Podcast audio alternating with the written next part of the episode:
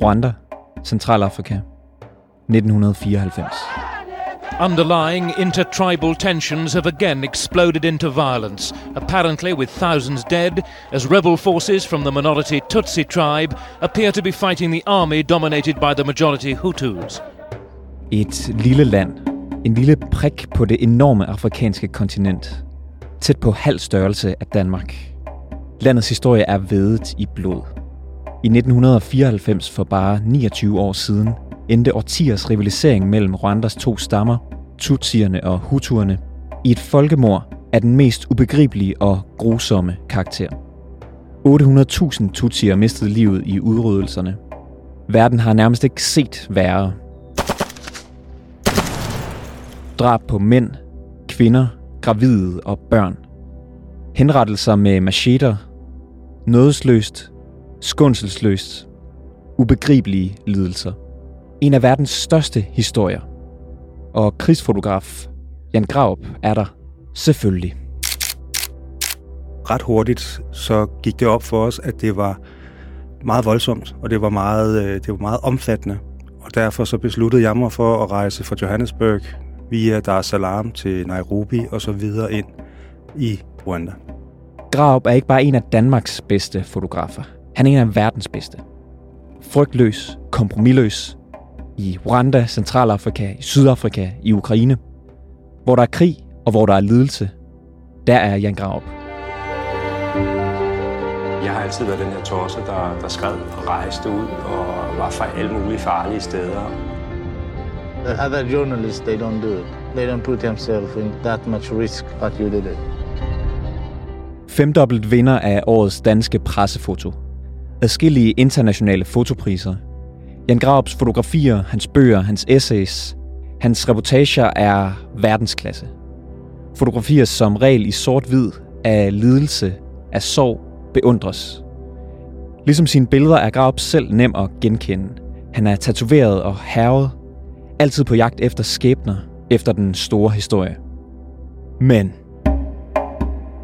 Forleden blev det afsløret, at Jan Graups krigsreportager fra Ukraine i 2023 ikke var til at stole på. Han havde ikke deltaget i 50 begravelser, men kun 3. Han havde ikke, som han påstod, affyret en mortergranat. Han havde ikke set børn med flag i vejkanten. Han havde ikke været på et pizzeria få timer inden det blev angrebet.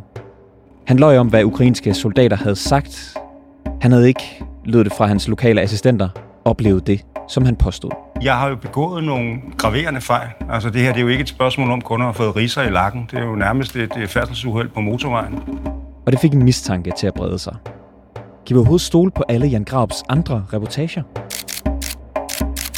24 har gennemgået et af Jan Graups mest hyldede stykker journalistik.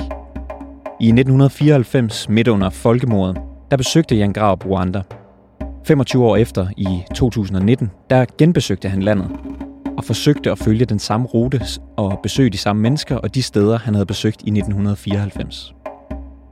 Resultatet sammenfattes i en reportage i Dagbladet Politikken. Jan Graups essay om Rwanda, kolon, Turist i mit eget mareridt. Et essay, som sammen med Jan Graups øvrige arbejde fra Rwanda blev indstillet af Politikken i 2019 til journalistikkens fremmeste pris, en kavling. Mille Ørsted, redaktør på Reporterne, du har gennemgået Jan Graups essay. Kan vi stole på det, han skriver? Det korte svar er nej. Vi har simpelthen øh, med øh, få dages research kunne klarlægge, at der simpelthen er nogle ting i det her essay, der ikke hænger sammen.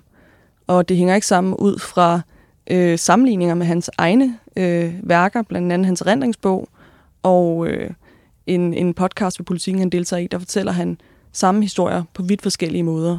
Og hvad har I fundet ud af? Hvis Jan Grav ikke lyver i sit essay, så husker han i hvert fald ret dårligt nogle ret vilde ting, han jo har oplevet øh, efter eget udsagn tilbage i øh, 1994 under Rwanda-folkemordet. Og eksempelvis kan jeg nævne, at han overdriver og fortæller meget forskellige versioner om en kvindes meget tragiske oplevelser under folkemordet. Blandt andet, at hun skulle være blevet voldtaget med adskillige macheter.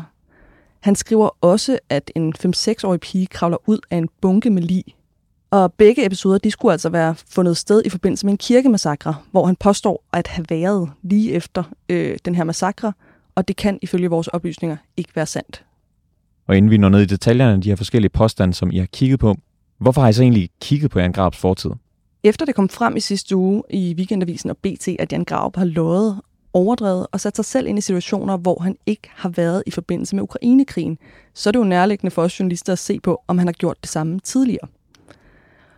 Rwanda er jo et emne, som Jan Graup har beskæftiget sig intenst med. Det fylder enormt meget i hans bøger, han holder foredrag, og han er jo lidt af en ekspert på området. Rwanda er også på mange måder blevet hans claim to fame. Han vinder nemlig årets pressefoto og årets pressefotograf i 1994, hvor han dækker folkemordet i det lille land.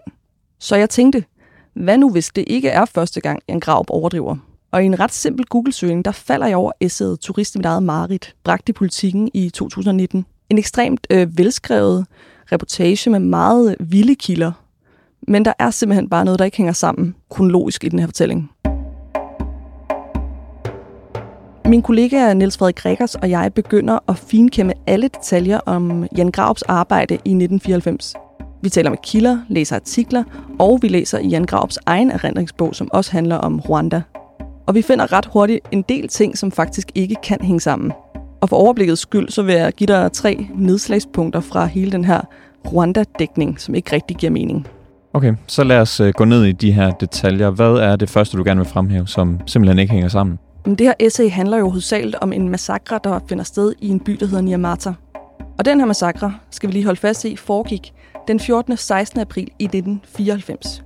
Niamata er en by, der ligger 30 km syd fra Rwandas hovedstad Kigali. Og her fandt en, en virkelig uhyrlig og forfærdelig massakre sted. Og der var rigtig, rigtig mange tusind tutsier, der blev dræbt, da de søgte tilflugt i kirken. Og det er sådan set her forvirringen starter. Hvornår Jan Graup faktisk ankommer til kirken, det er udlagt på forskellige måder. I essay lyder det umiskendeligt som om, han kommer lige umiddelbart efter, da blodet stadig, citat, strømmer ud af kirken. Til Politikens nyhedspodcast, som udkom næsten samtidig med essayet, der siger han til verden, at han ankommer til kirken i Niamata 5-6 timer efter massakren. Og i hans erindringsbog, der kommer han nogle døgn efter massakren.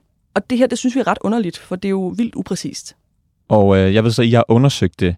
Ifølge jeres oplysninger, hvornår ankommer han så? Jamen, det er jo faktisk her, det bliver ret interessant. Vores research, som blandt andet bygger på åbne kilder, fortæller os, at han tidligst kan have været i Rwanda i maj 94.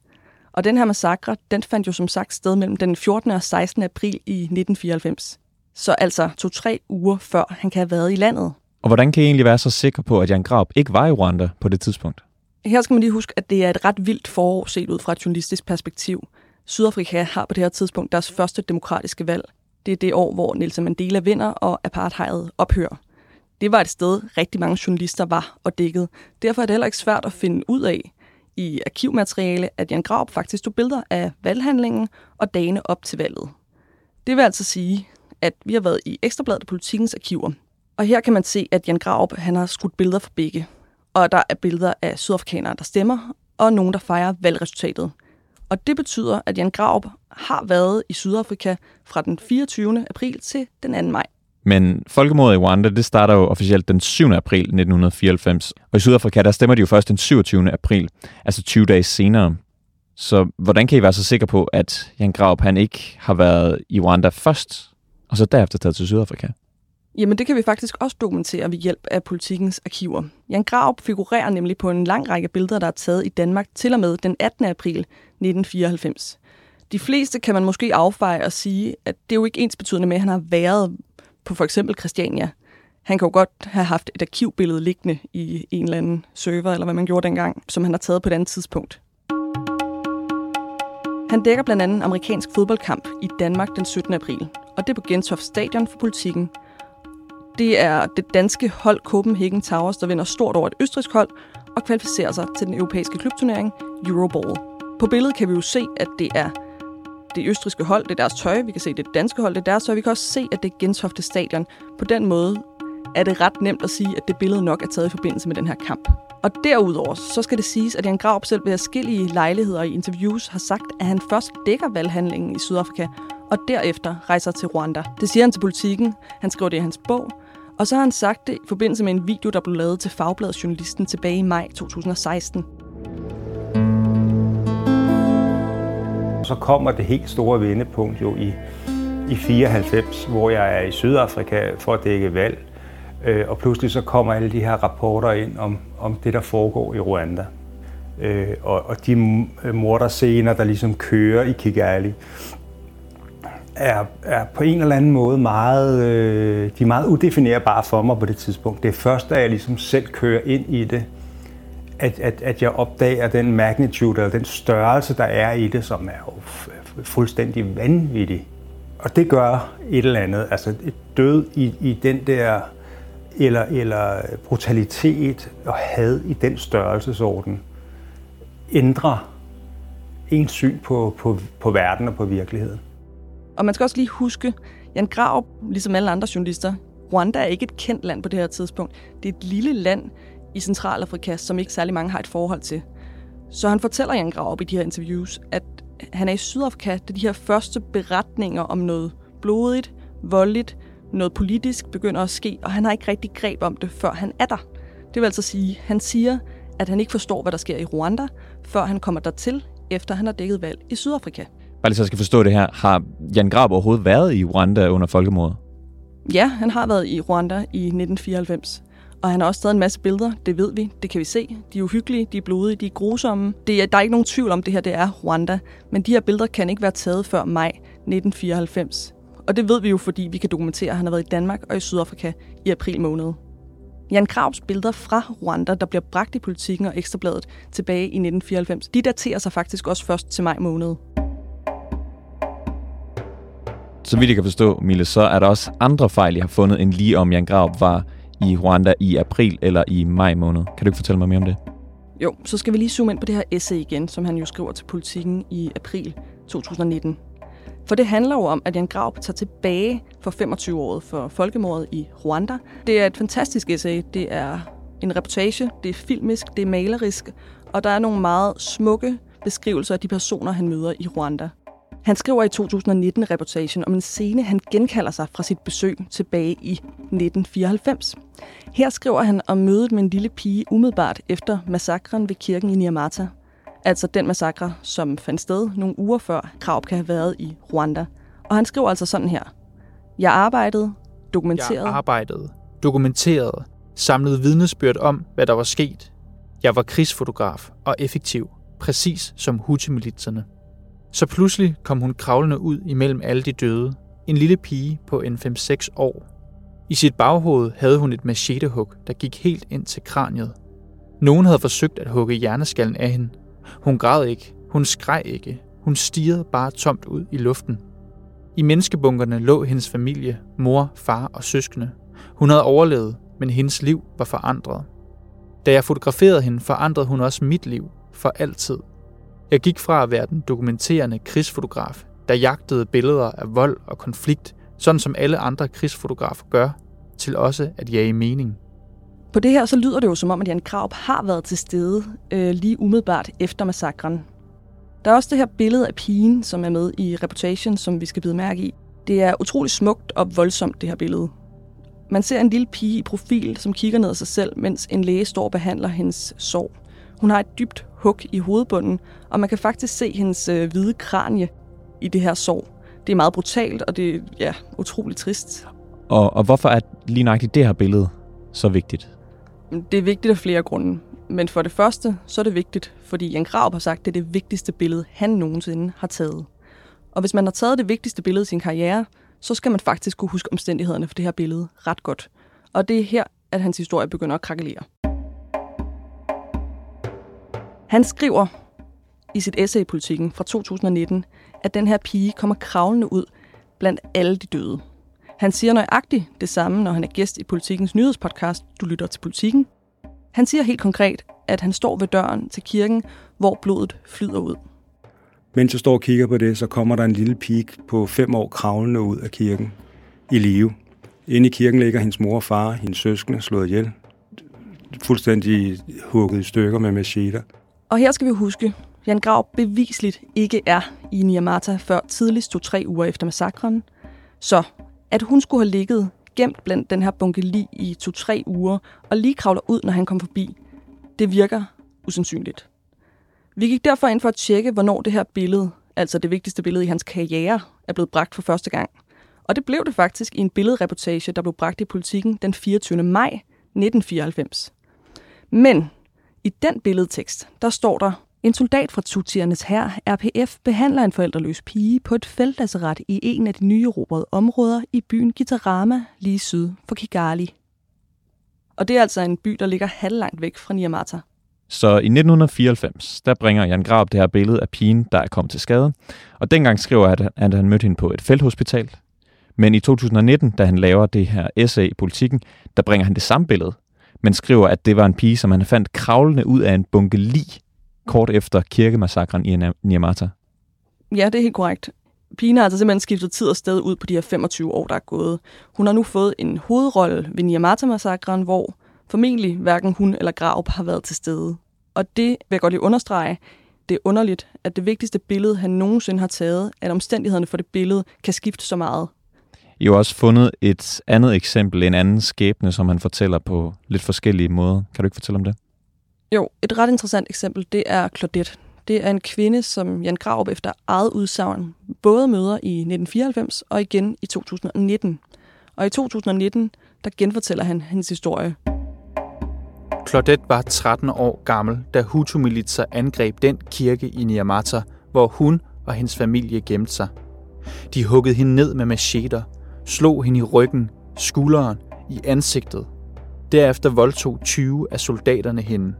Da de var færdige, stak de deres macheter op i skeden på hende og smed hende derefter ned i en 12 meter dyb latrine. Hun mistede sin mødom til macheterne og 20 voksne mænd og blev efterladt i en 12 meter dyb latrin for at dø. Men Hutu-militsen fortsatte med at smide nye lig i hullet, så hun brugte dem som trappe. Hun spillede Tetris med døden. Jeg var med den dag. Jeg har ikke billeder af hende fra dengang. Okay, hvis vi lige bryder den her historie ned, så er der altså tale om en 13-årig pige, som bliver voldtaget af 20 mænd, får stukket macheter op i sit underliv, og for en god ordens skyld, så er macheter altså omtrent 45 cm lange knive. Derefter så bliver hun smidt ned i en 12 meter dyb latrin, som er et intermistisk toilet, hvorefter hun bygger en stige af lig op til friheden.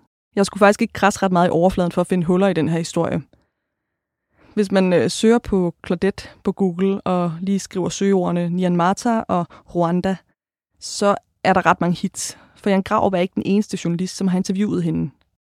Han er dog den eneste, som har den her udlægning af hendes historie. Den 7. april 2004, der bringer den hollandske avis Die Volkskrant et interview med Claudette. Vi har blandt andet talt med den hollandske fotograf øh, Svend Sven som var med til at interviewe hende dengang. Og i artiklen fortæller Claudette ganske rigtigt, at hun var sammen med sin familie og en masse andre tutsier, hvor de gemte sig i øh, kirken i Niamata, da den blev angrebet. Hun fortæller, at hun blev såret med en machete i panden, og hun blev skudt i skulderen. Hun fortæller også, at hun efter et flugtforsøg blev fanget og fik stukket en spidspind i ryggen. Hun nævner intet interviewet om at blive voldtaget af 20 mænd, skamferet i underlivet eller at blive smidt ned i en latrin. I en artikel fra Rwanda-avisen The New Times, som er udgivet i januar 2017, her fortæller Claudette, at hun under massakren i kirken blev angrebet af syv mænd med macheter. Der bliver ikke skrevet noget om voldtægter, og der blev ikke skrevet noget konkret om, hvordan hun blev angrebet. Og Jan Graups udlægning af hans historie står simpelthen bare i kontrast til, hvad vi har læst andre steder. Vi kan finde mange steder, at hun er blevet udsat for noget i kirken. Hun har også et overgreb. Hun har fået slag i hovedet. Man kan også se hendes ar på både Jan Grabus billeder og andre journalisters billeder. Men han er simpelthen den eneste, der når frem til 20 voldtægter og de her macheter i underlivet. Og det er i sig selv underligt. Derudover, så har vi været i kontakt med den kvinde, der oversat mellem Jan Graup og Claudette, da han interviewede Claudette i 2019. Og hun fortæller os, at Claudette nævnte noget med voldtægter, men ikke et antal. Hun kunne overhovedet ikke genkende beskrivelsen af macheter i underlivet, og hun fortalte også, at Jan Graup ikke har mødt Claudette i 1994. Jeg har også talt med fader Emmanuel, som er Claudettes præst. Han har hjulpet hende med at komme af med de her traumer, og derfor har han talt meget med hende om, hvad der er sket med hende. Og han medgiver, at der er sket forfærdelige ting med Claudette under borgerkrigen. Hun er også blevet voldtaget rigtig mange gange. Hun har også på et tidspunkt gemt sig i en latrin. Men han siger, at det ikke alt sammen kan sættes i relation til kirkemassakren. Det her det er sket over de tre måneder, hvor at øh, folkemordet øh, stod på. Derudover så råder Jan Graup rundt i sin egen fortælling om Claudette. I politikken essayet fra 2019, så er der 20 overgrebsmænd, og i et opslag, Jan Graup laver om Claudette på sin egen Facebook-profil, så er der lige pludselig 30 overgrebsmænd. Og i forbindelse med et arrangement, der hedder Sony Days, holdt Jan Graup et foredrag, og her fortæller han også om Claudette. Og lige pludselig er hun 7 år og ikke 13 år, og her er latrinen 20 meter dyb og ikke de oprindelige 12 meter dyb. Øh, Claudette var 7 år gammel, da folkemordet rasede, og øh, også hun havde gemt sig i en kirke. Og da morderne kom, de var 20, så startede de med at voldtage hende på skift. Alle 20 mand. Og da de havde gjort det, så fortsatte de voldtægten af hende øh, med deres macheter i hendes skede. Så huggede de hende ned i ansigtet hen over rygstykket, hendes bryst, hendes underliv, hendes ben, og smed hende ned i en 20 meter dyb brønd og efterlod hende derfor at dø. Altså enhver kan jo høre, at der er forskellige udlægninger af Jan Graups fortællinger om, om Claudette. Altså først er hun 13, så er hun 7. Mm. Brøndens dybde, antallet af overgrebsmænd varierer. Men ved vi, hvad Claudettes rigtige historie er? Det tror jeg aldrig rigtigt, jeg vil komme til at vide, medmindre jeg sidder over for Claudette. Sandheden skal jo nok findes et sted mellem alle de her versioner, vi har hørt og læst. Men uanset hvor meget og hvor lidt Jan Grav overdriver her, så er der i hvert fald noget helt galt i hans udlægning. Når han er den eneste, der kan nå frem til, at Claudette mister sin mødom til macheter. Og så må man jo heller ikke misse pointen. Det her det er et folkemord. Det var blodigt, det var drabligt, og det var helt frygteligt forfærdeligt. Der er ingen grund til at pynte på sandheden, når vi taler om et folkemord. Når man som pressefotograf eller journalist bliver sendt ud i konfliktzoner eller nogen steder hen, så har man et tillidsmandat. Man skal fortælle sandheden, selv hvis den er kedelig og mindre prisvindende, end man havde håbet på. Alle de her ting, jeg har lagt frem nu, det vidner jo om, at der er blevet pyntet på sandheden. Det vidner om, at Jan Graup har sat sig selv og nogle karakterer ind i en, en kontekst, hvor han i hvert fald ikke har været. Jeg vil mene, at vi er langt over smertegrænsen for, hvor, meget, hvor mange fejl, misforståelser og tjusk, der må være i ens arbejde, når vi kigger på den dokumentation, vi har fremlagt her i dag. Så er det også vigtigt at huske, at Jan Grab jo var i Rwanda i 1994. Han spiller blev trygt i Ekstrabladet og Politikken, øh, men det var korte tekster, det var mere overordnet. Billedet af pigen indgik dengang, men dengang nævner han ingen kirkemassakre, han nævner ingen pige, der, bliver, der kravler ud af en bunke lige. Han nævner ingen gruppevoldtægt, ingen macheter i skeden. Alle de ting, de kommer først i 2019. Næsten alt, der fremgår i det her essay, det er ting, vi først kan læse i 2019, og det er jo en genbesøgelsestur. Det er nogle reportager, han jo genopliver. Han fortæller jo ikke nye historier om de her mennesker, han genfortæller deres historier fra 1994. Og hvis han kendte dem allerede dengang, så er det underligt, at de ikke er kommet frem dengang. Det er også underligt, når han siger, at han har mødt Claudette, at vi ikke har et eneste billede af Claudette fra den gang. Det er underligt, at han aldrig har skrevet om Niamata, for hvis han havde været ved Niamata, så er han, er han heldig at være i live, men så vil han nok også have taget nogle billeder. Hvad siger Jan Graup til alle de her ting, I har gravet frem? Vi har selvfølgelig tilbudt Jan Graup et interview, men han har ikke ønsket at medvirke. Jeg har derfor sendt ham en såkaldt øh, forelæggelse med, med al den dokumentation, vi kommer med her. Og der er selvfølgelig også mange ting, jeg gerne vil have spurgt ham om. Hvor var du henne i øh, april under Niamata-massakren? Er det den massakre, du mener, du var til? Mødte du Claudette i 1994, som du ellers påstår? Og hvis, og hvis du gjorde, hvorfor har du ikke et eneste billede af hende? Og hvorfor hører vi ikke Claudettes historie før 2019? Og det samme vil jeg gøre med den kravlende pige. Hvorfor er hun i 1994 ved et felthospital, og i 2019, når hun dukker op igen, pludselig forbundet til den her massakre? Jeg vil også spørge Jan Graup, om han bevidst lyver og overdriver og pynter på sandheden, eller om det her er tjusk. Jeg vil egentlig bare gerne have en god forklaring på, hvordan det her, de her historier, han selv fortæller, kan divergere så meget. Det er jo politikken, der bringer det her essay, øh, og de indstiller ham også til en kavling for, for essayet. Hvad siger de til alle de ting, I har fundet? Jeg har selvfølgelig også forelagt for politikens øh, chefredaktør Amalie Kessler, og hun har ikke ønsket at medvirke. Men jeg kan fortælle, at politikken har bedt Jan Graup om en redegørelse. Og så er der selvfølgelig en masse spørgsmål, jeg gerne vil have stillet politikken.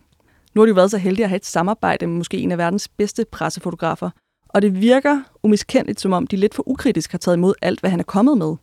Eksempelvis det her essay. Det er jo fantastisk godt skrevet, det er velfotograferet, det er nogle vilde personfortællinger. Men han angiver jo også i det her essay, at det er nogle mennesker, han mødte i 94, og at han var til den her massakre. Jeg undrer mig over, at de ikke har spurgt ham, hey, kan vi ikke få lov at se nogle af de billeder, du tog dengang? Og så er det selvfølgelig også underligt, at deres alarmlamper ikke blinker, når han siger og skriver vidt forskellige ting i politikens egne produkter, ovenikøbet inden for samme måned. Og her taler jeg selvfølgelig om essayet, og du lytter til Politikken-podcasten. Og så vil jeg selvfølgelig meget gerne spørge, om de fortsat har tænkt sig at samarbejde med Jan Graup. Jeg vil spørge Amelie Kessler, hvad de har tænkt sig at gøre nu. I weekenden blev Amelie Kessler jo netop spurgt ind til, om avisen har tænkt sig at gå tilbage og faktatjekke alt, hvad Jan Graup er kommet med. Og der sagde Amalie Kessler, at det ikke er noget, de er gået i gang med, og det vil afhænge af, om der kommer nye afsløringer. Så jeg vil jo spørge, om vores afsløringer er nok til, at politikken nu har tænkt sig at lave det benarbejde og tjekke Jan Graups arbejde. Og så vil jeg da egentlig også gerne spørge, om politikken selv synes, de har et ansvar for det her. Det virker jo som om, at de har glemt at stille nogle ret gode redaktørspørgsmål, når Jan Graup er kommet med gode historier. Spørgsmål, som skal stilles. Og til slut vil jeg selvfølgelig spørge, om politikken stadig synes, at Jan Graup skal indstilles til en kavling for det her nu meget omtalte essay. Mille Ørsted, redaktør her på Reporterne. Tak fordi du vil komme i studiet og fortælle om alt det, I har fundet ud af. Selv tak.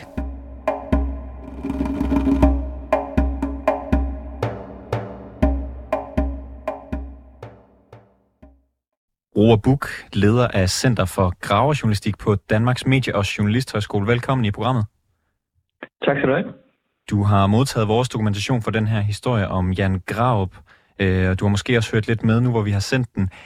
Hvad tænker du efter at have læst og hørt om den her historie? Øh, jeg tænker mange ting. Øh, altså det her med, øh, hvordan man agerer som, øh, som journalist, det er der jo på den ene side en, øh, en hel masse øh, både faglige standarder og en, en, øh, en professionel etik, øh, som man skal leve op til. Øh, på den anden side set, så, øh, så laver journalister fejl ligesom alle andre. Øh, Øh, og, øh, og jeg lavede faktisk selv for en del år siden en undersøgelse af, af journalistisk etik, øh, hvor jeg spurgte journalister i, i sådan en, øh, en hvor man, hvor man egentlig hentede sin journalistiske etik fra. Og øh, noget af det, som, øh, som er topscoren, det er egne fejl og skrækeksempler fra andre medier. Øh, det, det er meget vigtigere end øh, pressenævnet for eksempel, og mange af de andre kilder, ledelsen på ens arbejdsplads, nogle af de andre kilder, som kunne være kilder til journalistisk etik. Så på den måde øh, er der sådan i virkeligheden sådan lidt paradoxal øh, hvad kan man sige, øh, konklusion om, at, at det er virkeligheden gennem fejl, at journalister tit finder ud af, hvor går de etiske grænser, og hvordan skal vi opføre os. Øh, og det her også for at sige, at man jo som journalist, selvfølgelig ligesom alle andre professioner, så kommer man til at, at begå fejl. Men hvad du ved om, øh, om den her sag, Råbuk, vil du så mene, at det er for eksempel brud på journalistisk etik, eller er det øh, nogle uheldige fejl? Ja, det er, jo, det er jo rigtig svært ligesom at blive overdommer på, øh, fordi at, at der er mange, taler om mange forskellige fejl øh, og, øh, og, eller, og unøjagtigheder og forkerte informationer, og derfor er det jo, er det jo svært sådan helt overordnet at sige, øh, hvad er egentlig bundlinjen på det her. Øh, nogle af tingene kan være, at, at man husker forkert. Det er jo øh, netop ting, som foregår for rigtig længe siden. Øh, så, så selvfølgelig kan noget af det forklares for, øh, med, med banale fejl, men, men det er jo helt klart også, at man sidder med det indtryk, når man kigger på helheden, øh, Øh, at, at der også er så meget på spil, at det er svært ligesom bare at sige, at, øh, at, at det her var et eksempel på, at, at der var nogle historier, der blev lidt unødagtige, fordi man langt senere kigger, i, øh, kigger tilbage og så videre. Altså, fordi der er nogle fundamentale ting. For eksempel det, det allermest fundamentale, jamen altså, var man overhovedet på stedet, øh, hvor man siger, at man var? Var man rent fysisk i landet på det tidspunkt, hvor man siger, at man var? Øh, var, øh, var til stede i, i landet for at at tage de her fotografier og, og lave sin journalistik omkring det. Og hvis vi lige skal okay. opsummere... Nå, undskyld, ja. Robuk, færdiggør ja, endelig din pointe. Nej, men jeg var sådan set færdig, så du... Øh, hvis vi lige opsummerer, der, der er overordnet set tre ting, der er galt øh, i den her historie, i hvert fald hvad vi har fremlagt i dag. Der er historien om den 5-6-årige pige, der kravler ud af en bunke lige under den her kirkemassakre, øh, hvor, hvor Jan Graup møder hende. Der er historien om Claudette, kvinden eller pigen, der bliver øh, voldtaget af 20 overgrebsmænd øh, med, og med macheter. Og så er der det her spørgsmål om, om Jan Graup overhovedet har været i Rwanda de dage, hvor den her kirkemassakre den foregår. Øh, og det er jo sådan en massakre, som man selv kobler både Claudette og den 5-6-årige øh, piges historie til. Er der en detalje i det, du har hørt og læst, som du særligt bider mærke i som en alvorlig eller graverende fejl? Ja, det er der. Altså udover det her helt fundamentale, var man overhovedet til stede, eller er det her i virkeligheden en, en øh, efterrationalisering og måske i virkeligheden en genfortælling af noget, som, som andre journalister har øh, beskrevet, og som man så hen over årene har taget til sig og ender med at have som en fortælling om, at det er noget, man selv har oplevet og, og været til stede. Øh, men derudover er der en anden ting i det her, som, som, som, som jeg synes er, er, er noget graverende. Det er jo også, at de her øh, fortællinger, de her beskrivelser af øh, overgreb øh, på, øh, på, på piger, i virkeligheden jo ender med at være en form for overgreb i sig selv. Øh, og det er også noget, man diskuterer i den internationale journalistik i forhold til netop øh, sådan nogle alvorlige situationer under krige og borgerkrige, store naturkatastrofer osv. At, at man kan sige, dårlig journalistik, upræcis journalistik, øh, i virkeligheden kan ende med at nærmest være et overgreb i sig selv oven i det, øh, som, øh, som borgerne øh, rent faktisk har, har været udsat for og oplevet. Og, øh, og det, det, er jo, det er jo det, hvor det sådan, man kan sige, det også bliver lidt uhyggeligt, altså, fordi en ting er, at man kan lave en fejl, øh, man kan efterrationalisere osv., men man kommer jo i virkeligheden også til øh, øh, at være medvirkende til yderligere overgreb, hvis man fortæller historier, der er upræcise. Øh, fordi de her fortællinger om den pågældende person øh, jo sådan set kan skabe problemer for dem i, øh, i deres nuværende liv. Ja, kan du fortælle, øh, hvor, hvor alvorligt er det for eksempel for en, øh, en interviewperson som, som Claudette, om at øh, Jan Grab siger, om, om hun øh, den ene dag er 7 år gammel, den næste dag er, er 13, om det er 20 eller 30 overgrebsmænd, der er tale om, og om, øh, om hun bliver forstukket en machete op i, i, i skeden eller ej?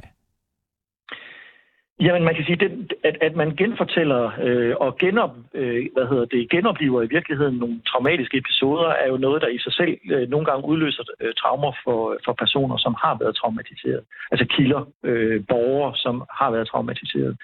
Øh, men, men hvis man så ydermere lægger nogle detaljer ind, øh, hvor er nogle af dem, som, som det er beskrevet jo, som det ser ud nu, øh, ser ud til at være helt forkerte, øh, øh, så er det klart, så bliver det jo et, et, et selvstændigt, øh, en selvstændig krænkelse af de her kilder, fordi man altså påstår, at der er sket noget med dem, som de efter eget udsagn siger, at det, er ikke, det var ikke det, der skete for mig, der skete forfærdelige ting for mig, men det var altså ikke det øh, lige præcis øh, øh, den her øh, forfærdelige ting, der skete. Og, og dermed kan man altså sige, at man jo i virkeligheden kommer til at, at ramme de her personer en gang til, hvis man laver en, øh, en upræcis øh, journalistik, øh, som, som, som meget jo tyder på, at det er det, der, øh, der sker her. Robuk, der er jo tale om et, et folkemord, altså det er simpelthen så brutalt, det der, der foregår her. Er der nogen grund til at overdrive? Nej, det tænker man jo umiddelbart, det er der ikke. Øh, men det er klart, at, øh, at når man som journalist gerne vil sælge produkter, øh, og når man som freelancer gerne vil sælge produkter, så er der jo nogle ting, man ved, redaktørerne gerne vil have de vil gerne have de her øh, personlige fortællinger, altså hvor, det, hvor, vi, kan, hvor vi møder de øh, konkrete mennesker, som har været involveret i en krig eller en borgerkrig eller en stor katastrofe. Det er et øh, rigtig godt salgsargument over for en redaktør, hvis man vil sælge sin journalistik. Og det er drama jo i det hele, øh, jo, jo i det hele taget. Øh, og, og det er jo også der, hvor man kan sige, at, at, at et kernepunkt bliver jo lige præcis det her med, Hvorfor er det, at vi kan konstatere, at der efter alle dømme er en masse fejl her? Er det fordi, at øh, man, man bare har lavet i godsøjne banale fejl? Øh, er det fordi, det er en journalist, der selv har været igennem rigtig meget, og, og man kan sige, nærmest er traumatiseret af alle de ting, som han jo ubetvivligt har set og oplevet øh, ude i verden? Eller er det en forretningsmand, øh, der får at sælge sit produkt, øh, lige giver den et ekstra nyk øh, for at skabe dramaet og for at, at, få, salg, og få solgt øh, sit produkt. Og det er jo helt afgørende i vurderingen af det her. Det er jo sådan set øh, motivet. Øh, hvorfor sker de her fejl? Øh, er det bevidst? Øh, er det bare fejl? Er det fordi, man husker forkert? Eller er det fordi, man godt ved, at øh, ved at trykke på de her knapper, øh, så er der nogle redaktører, som vil synes, det her, det er en, øh, det her er en rigtig god historie, som hvor, vi gerne vil bringe. Hvor dybt vand er Jan Grav på lige nu? Jamen, jamen pointen er jo i virkeligheden, at vi, man skal jo ned i detaljerne her, man skal ned i motiverne. Hvorfor er det, at de her fejl, de er her, øh, for at kunne konkludere, hvor, hvor dybt vand han er, øh, er ude på. Men det vi jo kan se i andre lignende situationer, altså vi har jo nogle fortilfælde for journalister rundt omkring i verden, som på samme måde, hvor der er nogen, der begynder at stille spørgsmålstegn ved journalistikken, og nogle gange øh, vælger medierne, som, som vi også lige har talt om for lidt siden, vælger medierne så simpelthen at kuglegrave hele journalistikken og øh, sige, er der andre fejl? Nu har vi fundet en fejl, nu har vi fundet to fejl, nu har vi fundet tre Robuk, fejl. Øh, vi har ikke så meget øh, tid tilbage. Der er bare lige et spørgsmål, jeg gerne vil stille dig, du må meget gerne svare meget kort på det. Hvad med politikken? De har jo trykt det her essay, hvor vi har fundet fejlene. De har indstillet ham til en kavling for netop det her værk. Har de et ansvar for det, der er sket her? Jamen det har alle medier, når de trykker hvilken som helst tekst, så har de jo et ansvar for de, øh, den journalistik, de, de lægger ud, og, og det rører jo ved det, som er, er den allervigtigste valuta i journalistik, både for den enkelte journalistik og for det enkelte medie, det er jo, om man er troværdig. Kan man stole på de historier, der bliver bragt fra den enkelte journalist, øh, journalist eller fra et medie? Så på, på den måde rører man jo her ved den, den allervigtigste øh, valuta, både for, for journalister og medier. Roar Buk, leder Center for Gravejournalistik på Danmarks Medie- og Journalisterskole. Tak fordi du var med i programmet. Tak i måde. Tak fordi du lyttede med til reporterne i dag. Bag den her historie var redaktør for programmet Mille Ørsted, Niels Frederik Rikkers og mig. Jeg hedder August Stenbrun. Desuden har Helle Maj og Clara Edgar hjulpet med research.